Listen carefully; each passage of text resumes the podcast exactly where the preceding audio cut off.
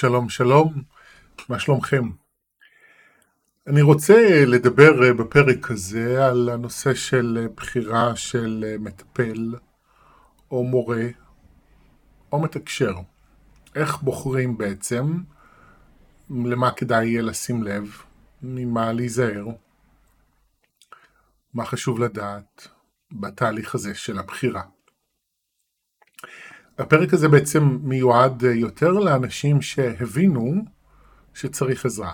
אני משער שאם אתם לא יודעים שצריך עזרה, אתם גם לא מקשיבים לפרק הזה, אבל אני יוצא מתוך נקודת הנחה שאולי יש אנשים שבכל זאת מקשיבים, אה, למרות שלקבל עזרה של מטפל, מתקשר, מורה, זה לא דבר שהם עושים בדרך כלל, ואני רוצה, אם כך להגיד רק לאותם אנשים, זה מאוד חשוב לקבל עזרה.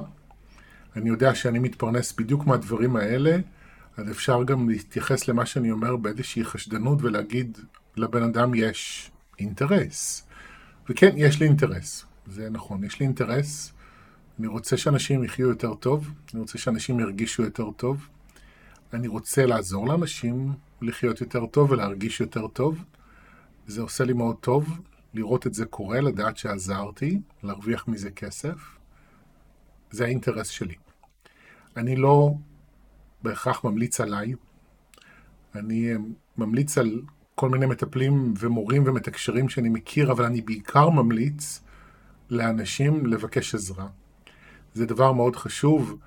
יש משהו מאוד אה, בעייתי בעיניי במחשבה שאני אמור להסתדר לבד. היא הרבה פעמים נובעת גם מאי הבנה, שאנשים חושבים שאנחנו אמורים להסתדר לבד, מדברים ברוחניות על סוף עידן הגורואים, מדברים על אה, זה שכל התשובות נמצאות בתוכנו, אז המשתמע מזה זה שאני אמור להסתדר לבד. אני חושב שהרבה מזה גם נובע מבושה ומפחד להיות במקום הפגיע הזה של זה שנעזר. וגם בלא מגיע לי, שהרבה פעמים אנשים מרגישים שלא מגיע להם לבקש ולקבל עזרה. אז אני רוצה להגיד בקצרה, ככה, בתחילתו של הפרק הזה, שזה מאוד חשוב, מאוד מאוד חשוב, שאנחנו נבקש ונקבל עזרה בדרך שלנו. זה עושה את הדרך יותר קלה, זה מאפשר אה, לחצות אה, גבולות שאחרת אי אפשר לחצות אותם, וזה בהחלט מפחית סבל. זה גם מאפשר להיפתח לדברים מאוד מפתיעים שלפעמים אי אפשר להיפתח אליהם כשאנחנו uh, מסתדרים לבד. כי הרבה מהדברים uh, בחיים שלנו מתאפשרים בזכות שיתוף פעולה. ואם אנחנו נמנעים משיתוף פעולה, קשה לנו ליצור שיתוף פעולה. מה שאנחנו לפעמים לומדים כשאנחנו מקבלים עזרה, עוזר לנו אחר כך, בכלל בכל מיני תחומי החיים. הרי החיים על מה הם מבוססים? על שיתוף פעולה. אני נותן ומקבל, אני עוזר, אני נעזר. כשאנחנו מתקשים בהיבט אחד מבין השניים, בלהיעזר, זה עוצר אותנו גם מלעזור. וזה מגביל בסופו של דבר את טווח האפשרויות שלנו בחיים. אז אם השארנו קו והסכמנו שחשוב שחשוב שאנחנו נלמד ונעזר. עכשיו איך בוחרים? ואני חייב לספר ולומר שהרבה שנים אמרתי לעצמי, מה שחשוב זה שאנשים ילכו לטיפול, אבל בשנים האחרונות אני אומר לעצמי שזה לא תמיד נכון. אני שומע על כל מיני מטפלים בכאילו ומורים בכאילו, שמה שהם עושים זה משתמשים בכוח שלהם לרעה, וגורמים לאנשים לנזק. ואני מבין שאנחנו צריכים להיות עוד יותר חכמים ממה שהיינו כשאנחנו באים לבחור. כי הפוטנציאל שיכול להיות בתוך מערכת יחסים כזו שבו אני פונה למתקשר, מטפל, מורה ונעזר בו, הפוטנציאל של הפגיעה שיש במערכת יחסים הזו הוא לא מבוטל. ונכון שאני כמי שעוזר לאנשים, אני לא יכול לקחת 100% אחריות, או בכלל אני לא יכול לקחת אחריות על מה אנשים עושים ממה שהם מקבלים ממני, אבל לי, כמי שעוזר לאנשים, יש אחריות לתת את הטוב ביותר, ולאנשים שמבקשים עזרה, ואני אחד מהם, מי שמבקש עזרה, יש אחריות לבחור בעצם במי אני נעזר. ואתם יודעים, אנחנו חיים בעידן השפע. שפע יש לו מתנות ושיעורים, והשיעור בשפע הוא בחירה. אם יש שפע, אני צריך לבחור. יש המון מתקשרים, המון מטפלים, המון מורים, קונבנציונליים, לא קונבנציונליים, יש מכל הסוגים, מכל השיטות, מכל הדרכים, הכל היום מאוד זמין. האינטרנט, הזום, פותחים אותנו גם לעולם, להשתתף בסדנאות, ייעוצים, טיפולים, כל מיני אנשים מכל העולם, בכל מיני שפות, באמת, וואו, שפע שמעולם לא היה כמוהו בהיסטוריה, וזה מדהים, מדהים, מדהים, זה היסטרי, אה, זה מדהים, וקודם כל להגיד על זה תודה, ואז להתפנות לשיעור, איך אני, איך אני בוחר בעצם, איך אני בוחר. אז אני רוצה קודם כל להגיד שהחוויה שלי כמי שמקבל את העזרה צריכה להיות חוויה טובה.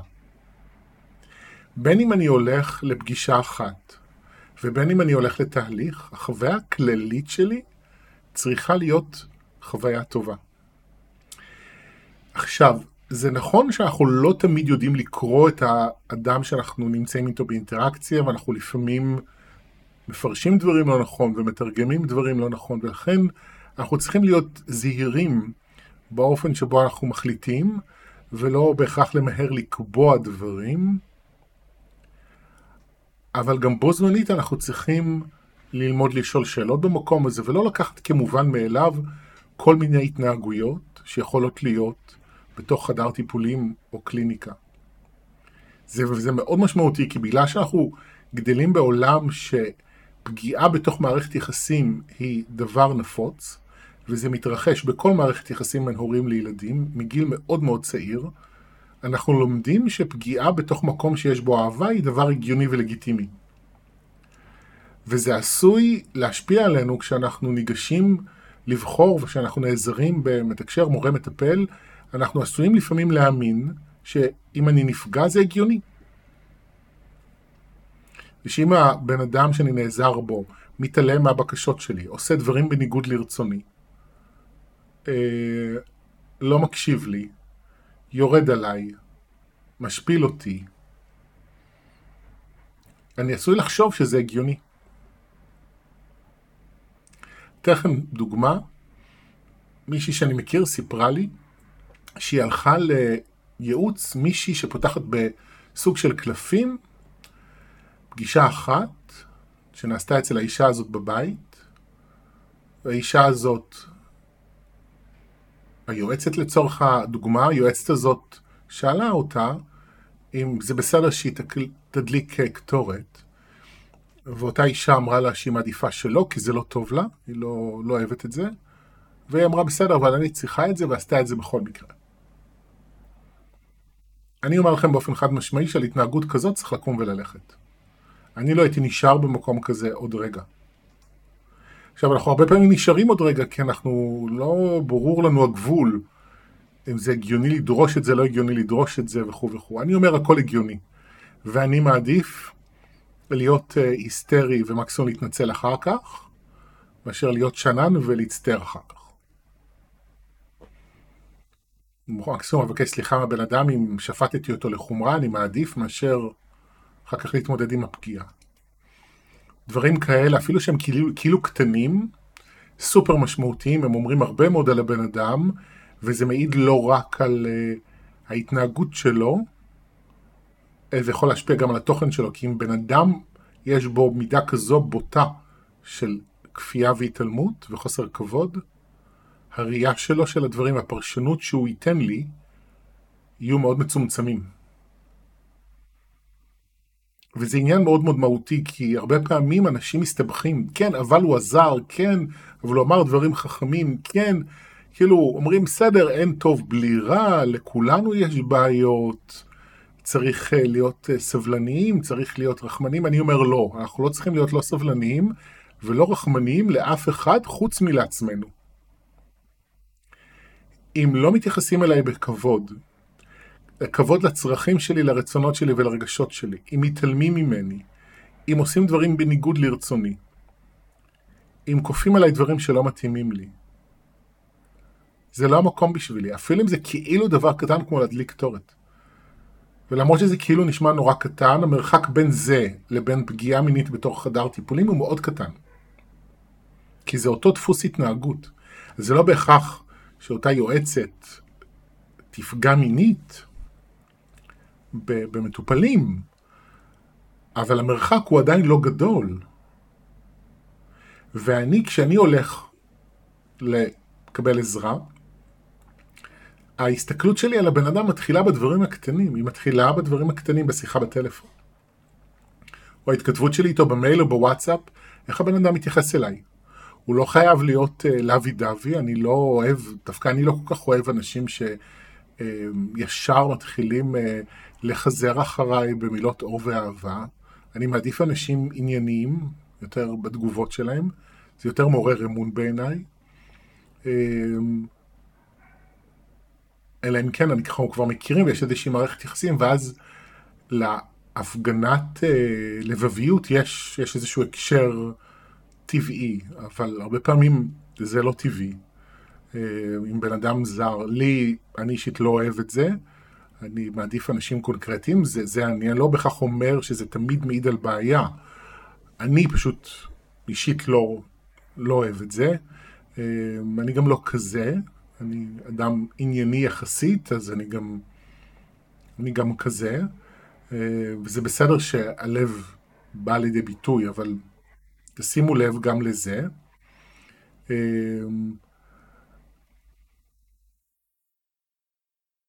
אני לא זוכר, הלכתי קצת לאיפוד בקו המחשבה שלי, אולי בגלל שאני כזה מתלבט למה אמרתי את כל מה שאמרתי בדקה האחרונה, אבל לא יודע, אמרתי. בכל מקרה אתם תיקחו מהדברים שלי את מה שאתם רוצים לקחת ומה שאתם מתחברים אליו. וזה דרך אגב, אחת העצות הכי חשובות שיש לי לתת, זה תמיד תזכרו שזה אחריות שלכם לראות מה מתאים לכם. כי גם אם אני הולך למישהו, גם אם אני, הוא מתקשר עם הישויות הכי מפורסמות ביוניברס, גם אם הוא מורה שמגיעים אליו הכי הרבה תלמידים, זה לא משנה, לא בטוח שמה שיש לי, מה שאני שומע מתאים לי, ולא בהכרח זה אומר ש... אותו מקור של ידע או עזרה הוא לא בסדר, פשוט לא בטוח שזה מתאים לי. יש הרבה שיטות ודרכים מאוד יפות, אני לא מתחבר אליהן. יש הרבה אנשים שמכירים אותי ואת הדרך שלי ולא מתחברים אליי, וזה בסדר. זה תמיד חשוב שאנחנו נפעיל שיקול דעת ונזכור שיש לנו חופש בחירה. ואחד הסימנים לדעת אם מקור העזרה שאני פונה אליו הוא לא, הוא לא נקי, זה אם לוקחים לי את חופש הבחירה. אם מתחילים להגיד לי מה לעשות. אם מפעילים עליי לחץ לעשות דברים מסוימים. לחץ מילולי בשיחה, בהודעות טקסט. אם מנדנדים לי לעשות דברים. שימו לב. וזה נשמע כאילו, מה הבעיה? שיווק, לא? נכון? אני מציע, ואז אני מציע עוד פעם, ואז אני מציע עוד פעם, ושולח תזכור. לא, אני, מי מכם מכיר אותי אז יודע שאני משווק די טוב. מי שעוקב אחרי התכנים שלי תמיד יודע, sooner or later, מה אני עושה. כי אני משלב את זה בכל מיני תכנים, פחות אולי פה בפודקאסט, אבל באופן כללי, אני טורח שאנשים ידעו. אבל אני לא אפנה אישית לבן אדם. עשיתי את זה בתחילת הדרך, אני כבר לא עושה את זה יותר. אני גם לא אנדנד. אם מישהו אומר לי, אני חושב אולי לבוא אליך, אני אומר לו, בסדר, אם תרצה, בשמחה. בהנחה וכמובן זה מתאים לי, כן? אני משאיר את האופציה פתוחה, אבל אני לא אפנה. אני לא אנדנד. בן אדם אומר לי, אני רוצה להירשם לסדנה שלך, אני לא אנדנד. אם בן אדם אומר, נרשם לסדנה, או קבע טיפול, או תקשור, והוא ביטל, אני לא מתחיל לנדנד, אני לא משכנע. אני לא עושה שיחות מכירה, אף פעם. בתחום של הזה, של עזרה, במסע, בהתפתחות של בן אדם, בעיניי זה big no no. עכשיו, אני לא אומר שמטפל או מורה מתקשר שפועל באופן הזה הוא בהכרח עושה נזק לאנשים, אני לא אומר את זה. אבל אני אומר, שימו לב, לי זה מדליק נורה אדומה, למה בן אדם לוחץ עליי? זה גם אם אתם עובדים עם אנשים ואתם עושים את זה, אל תעשו את זה. אתם חייבים לחזור לאיזשהו אמון שהדבר הנכון יקרה, שהדבר הנכון כבר קורה. אם אין לכם מספיק עבודה, תעשו עבודה פנימית כדי למגנט עוד עבודה. ואל תפעילו לחץ על אנשים. בחירה של בן אדם לבוא לתקשור, לטיפול, לסדנה, צריכה להיות שלו. זה מדובר ב, ב, בתהליכים, אפילו אם זו פגישה חד פעמית, שמעוררים דברים, יש לזה ריאקציות, צריך, הבן אדם צריך לקחת אחריות על כל מיני תובנות, תגליות, שינויים, התמודדויות. בן אדם צריך להיות בשל ומוכן לזה. אם הוא לא בא, הוא לא בשל ומוכן לזה, ואולי הוא בשל ומוכן, פשוט לא אני הבן אדם שיעזור לו לממש את זה. מי שבא לעבוד איתי, או זה נכון לכל אחד שעובד עם אנשים, זה צריך לבוא ממנו. ואם בן אדם לוחץ עליי, אני לא שם. ובטח ובטח נגיד אם אני הולך לתקשור. ובתקשור אומרים לי מה לעשות. לא, לא, ישויות לא אומרות מה לעשות. הן לא אומרות לי עשיתי טעות, הן לא אומרות לי אני לא בסדר, הן לא אומרות לי, הן לא מפחידות אותי שאני במצב מסוכן ואני חייב להיזהר, ואם אני לא אעשה מה שאומרים לי אז יקרה לי משהו איום ונורא. הן לא אומרות לי בדיוק מה יקרה, הן יכולים להגיד לי יש פוטנציאל לדברים מסוימים, אבל הם לא יכולים להגיד לי מה יקרה. כל לחץ שהוא, שנובע מתוך עמדה שאומרת, אני יודע מה טוב בשבילך, ואתה כדאי שתעשה מה שאני אומר לך. אם אתם חווים כל סוג של לחץ שבא מהעמדה הזו, מהבן אדם שאליו אתם פונים לעזרה, אני אומר לכם, אל תהיו שם. אני מוכן שתתעצבנו עליי, אני מוכן שאם יש פה מטפלים, מתקשרים, מורים, תתעצבנו עליי, אין לי בעיה. אם אתם מתעצבנים, אני יודע שאני צודק. אז יכול להיות זה טריקי, כן? עכשיו, אבל זאת האמת בעיניי. אני לא נמצא שם, זה בטוח. חופש בחירה הוא דבר סופר חשוב. לכבד את חופש הבחירה הוא דבר סופר חשוב. וגם כשאני עובד עם אנשים ואני מדבר עם אנשים ואני אומר דברים לא פשוטים תמיד. זה לא הכל, וואי, בוא תלטף את עצמך, תאהב את עצמך, תראה כמה אתה נפלא ונהדר. לא, אנחנו צריכים לראות לפעמים שאנחנו פוגעים בעצמנו ופוגעים באחרים. אנחנו צריכים לראות לפעמים שאנחנו עובדים על עצמנו ומספרים לעצמנו שקרים. אנחנו צריכים להתפכח מכל מיני דפוסי התנהגות ואי הבנות שגורמות למצוקה וסבל. אנחנו צריכים להתפכח וזה לא קל.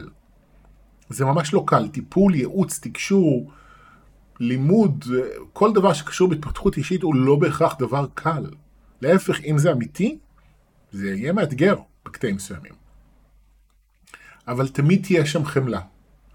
תמיד תהיה שם עדינות, תמיד זה יהיה, המידע עובר עם איזושהי מידה של אופטימיות, שזה נאמר בשביל לעזור לבן אדם להגיע למקום יותר טוב, בתוך עצמו ובחיים שלו. זה נקודת המוצא.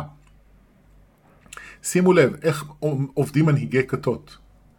הם גורמים לאנשים להרגיש לא מספיק טוב עם עצמם. הם מדגישים בפניהם את הבעיות שלהם. הם ממציאים בעיות, הם מעוותים בעיות. הם ממקמים את עצמם בעמדה של אלה שיודעים, שרואים, שאומרים כאילו את האמת, איפה הבן אדם לא בסדר, מה נורא בו, ושהם עצמם ייתנו לו את הפתרון להשתנות ולהשתפר. וככה יוצרים שיעבוד שהוא רגשי ואחר כך יכול להיות גם כלכלי ומיני. ככה כתות עובדות, הן עובדות על אנשים שהם חסרי ביטחון, שהם מצד אחד מבינים שהם צריכים עזרה, אבל גם לא יודעים להבחין מה זה באמת עזרה, איך עזרה אמורה להיות. זה הרבה פעמים קורה כי אנחנו, כמו שאמרתי מקודם, אנחנו רגילים שפוגעים בנו במקום שבו אוהבים אותנו, אז אנחנו, שאנשים שעזרו לנו מגיל אפס גם פגעו בנו לפעמים, לא תמיד במכוון, אבל פגעו בנו. ואנחנו לא יודעים להבדיל בין זה. ואז אם אין לנו מספיק עמוד שדרה בפנים, איזה אחד כזה יכול לראות את זה ולזהות את זה ולהפיל אנשים בפח של כת. אבל כת זה, זה, זה מקרה קצה יותר. הרוב הם לא כתות, הרוב הם אנשים ויש להם אולי כוונה טובה, אבל מה שהם עושים בדרך הוא ממש לא בעניין. אם מפרידים אתכם מאנשים, אם אומרים לכם לא לדבר עם אנשים על מה שאתם לומדים, על מה שעולה בטיפול, זה נורת אזהרה. אם uh, לוקחים מכם עוד ועוד כסף, זה נורת אזהרה. אם מכריחים אתכם לעשות דברים פיזיים שאתם לא רוצים, זה נורת אזהרה. אלה נורות אזהרה. עכשיו שוב, אני אולי קצת עדיין בתוך האזור של כת, אבל זה לא תמיד רק קורה בכתות, אוקיי? Okay? זה יכול לקרות גם בטיפולים כאילו יותר קונבנציונליים. תיזהרו מהדברים האלה. זה מאוד מאוד משמעותי, וזה קורה, זה קורה עם אנשים, אני שומע את זה. ואנשים לפעמים מגיעים אליי, יש מישהי שאני חושב עליה כרגע, שהיא באה אליי, היא הייתה בכת כזאת, והיא לא הבינה שזה כת. אני חושב שהיא זאת שאמרה לי, כאילו אחד הדברים זה שלא לדבר על, על, על, על, על מה שהיא לומדת. ואני כאילו, למה לא?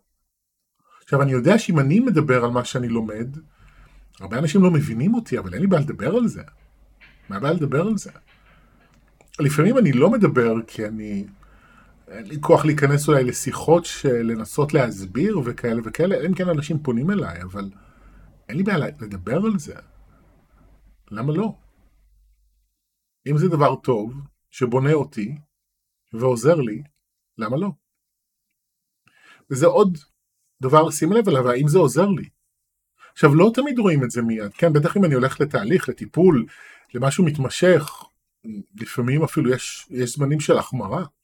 כשאני מתחיל לפתוח איזושהי, אה, אה, איזשהו נושא מסוים, נגיד, יש לי בעיות עם כסף, אה, ואני מתחיל לטפל בזה, ואני מתחיל לעשות עבודה רגשית עם הזיכרונות של הבית שאני בא ממנו, על כסף ועבודה ויחסים בבית, ומתחיל לגלות איזה מקומות רגשיים זה יושב, מבחינה רגשית יכול להיות שתהיה לי תקופה קשה.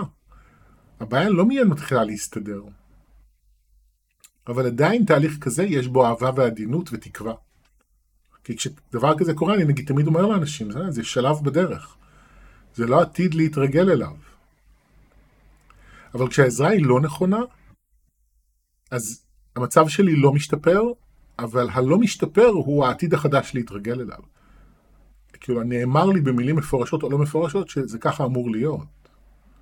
ולא, זה לא ככה אמור להיות. אנחנו אמורים, מתוך הקשיים שאנחנו מתמודדים איתם בחיים, שיכולים להתחדד ולפעמים להתעצם בתוך תהליך טיפולי, אנחנו אמורים לצמוח מזה ולהגיע מזה למקום יותר טוב. תראו, אתם צריכים תמיד לשים לב למה אתם מרגישים. אם אתם מרגישים שלא טוב לכם, תעצרו ותשאלו שאלות. דברו על זה, אם, הבן, אם אתם עוברים את זה בתוך תהליך של טיפול או איזושהי קבוצת התפתחות, דברו על זה עם הבן אדם, עם הבן אדם. ותראו איך אתם, איזה תגובה אתם מקבלים. אם יש הקשבה, אם יש נכונות מהבן, מאותו בן אדם אה, להשתנות, אם במקרה באמת הוא עשה משהו לא בעניין והוא מודה בזה ומתנצל על זה, מעולה. אני לא מצפה אה, ממורים, ממטפלים, ממתקשרים להיות מושלמים, אני בעצמי לא כזה. אני כן מצפה להקשבה, לנכונות ללמוד, לנכונות אה, לדבר על הדברים וגם להתנצל אם צריך. לזה אני כן מצפה. אני גם מצפה שמטפל טוב ידע גם לראות, לעזור לי אחרי זה להבין, אוקיי, גם למה זה קרה לי. אוקיי, גם לדבר איתי כבן אדם על מה שקרה בינינו, וגם לדבר איתי בתור המטפל שלי או המורה שלי אוקיי, מה אני אמור ללמוד מזה? איך, איך אני מתמודד עם סיטואציות כאלה? כי אם זה קרה לי בטיפול או ב, עם המורה שלי, אז זה גם קרה לי בעוד מקומות בחיים. אבל אם אין את זה, אם אין הקשבה, אם יש הדיפה, אם יש ביטול של החוויה שלי, של מה שאמרתי, אם הבן אדם אפילו צועק עליי, יורד עליי, זה לא בעניין. אל תהיו שם. אני אומר באופן חד משמעי, עדיף שלא תהיו שם מאשר שתהיו שם ותשלמו עוד מחיר.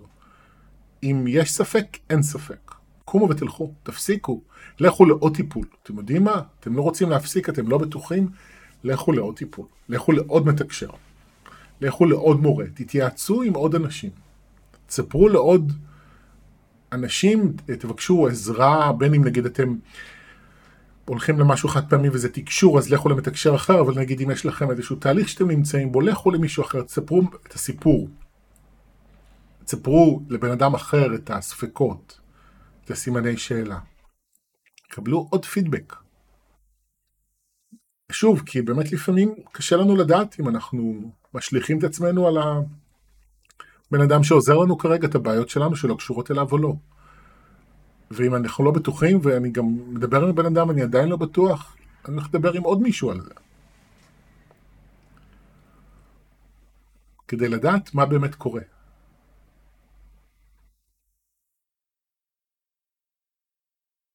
ותראו, זו מערכת יחסים מאוד... אה, מערכת יחסים?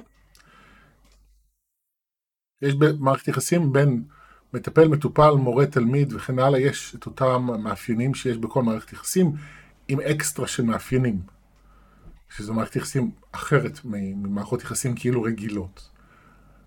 וזה שם אותנו כמי שמבקשים את העזרה במקום מאוד פגיע, אבל בו זמנית, גם אם אני במקום חלש ואני זה שצריך עזרה, אני בעל הבית. גם אם אני בא לטיפול ואני לא באמת יודע למה יש לי את הבעיות האלה ואני לא מצליח לפתור אותן וכן הלאה וכן הלאה, אני עדיין בעל הבית. אני צריך לקבל את ההחלטה לדבר שהוא הכי טוב עבורי. ואם הבן אדם לא מתאים לי, הוא לא מתאים לי. אני לפעמים אומר לאנשים שאני לא מתאים להם. לפעמים אני אומר את זה בתוך תהליך. יש לי מטופלת, שלפעמים אני אומר לה את זה. נורא קשה לה, הדרך שאני עובד בה ולומד ומלמד אותה היא לא דרך פשוטה, אנחנו לומדים להרפות ממאמץ ולהרפות מלחץ ולהיות בתוך הדברים ולתת לדברים להשתנות באופן טבעי.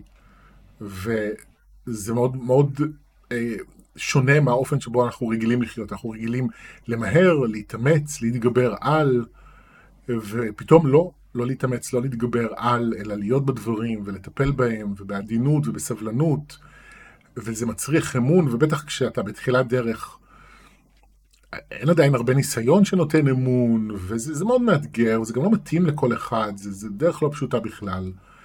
ויש לי איזה מטופלת אחת שלפעמים אומרת, שמי, אם את רוצה להגיע להישגים, אז אני לא הבן אדם שיעזור לך להגיע אליהם. עכשיו, אני יודע שבדרך הזו אפשר להגיע להישגים מדהימים, אבל הדרך הזו היא לא, לא רק בשביל להגיע להישגים, היא לא רק בשביל לפתור את המצב הכלכלי, או את הבעיות במערכות יחסים וכן הלאה וכן הלאה, או על הדרך לומדים דרך אחרת לגמרי לחיות בה. וזה לא פשוט וזה לא מתאים לכל אחד וזה בסדר, ותודה לאל שיש מספיק דרכים ושיטות שאנשים יכולים להיעזר בהם. ואני אומר את זה, אני גם אומר את זה כרגע בפודקאסט, אני לא חושב שהדרך הזו מתאימה לכולם, למרות שאני חושב שמה שיש לי ולנו להציע זה גאוני, ואני אומר לנו, זה כל חברותיי המטפלות, אנחנו כולנו תלמידים של ורדה, דרור, אנחנו לומדים דרך ומלמדים הרבה מאוד שנים, וזו דרך מאוד מאוד טובה שעוזרת להמון אנשים, אבל היא מתאימה ל-X אנשים, לא יותר מזה, וזה בסדר. ומה שחשוב לי תמיד זה שאנשים יבחרו ויראו, כי בסופו של דבר טיפול טוב, גם תקשור חד פעמי, הוא בא לעזור לי בתהליך שלי. והתהליך, אם יש, יש הרבה דרכים לתאר ולהבהיר או להסביר מה זה מסע רוחני, או מה זה תהליך התפתחות. הדרך שלי להסביר את זה, זה שבתהליך הזה אני לומד שאני בעל הבית. אני בעל הבית של הגוף שלי, של הרגשות שלי, של הרצונות שלי והצרכים שלי, של החלומות שלי, של הרכוש שלי, של המערכות יחסים שלי, של כל מה שקורה בחיים, אני בעל הבית. אני יוצר המציאות, ואחריות לשינוי וריפוי וגילוי, וגם על הדברים הטובים, היא שלי. וכל העזרה שאני מקבל היא לשם. ואם אני הולך לקבל עזרה ובן אדם לוקח לי את הבעלות בית, ואומר שהוא יודע בשבילי והוא יגיד לי, לא, לא. התשובה היא לא. לא בשבילי, אני מציע לכם, גם לא בשבילכם. שוב, אני לא אגיד לכם מה לעשות. אתם יכולים להגיד, אני רוצה שמישהו יגיד לי מה, איך לחיות ומה לעשות, אני הולך לשם וזה בסדר גמור. אם אתם יודעים ואתם מודעים לזה, שזו הבחירה, לכו על זה. רק לכו על זה ממקום של מודעות. לא ממקום של טשטוש. אתם חושבים שאתם לומדים חופש בחירה ואתם בעצם מאבדים את החופש שלכם יותר ויותר. זהו, אלה המילים שלי לפעם הזו, מקווה שמה שהיה לי להגיד עזר. תודה שהקשבתם, אנחנו ניפגש בפרק הבא. ביי ביי.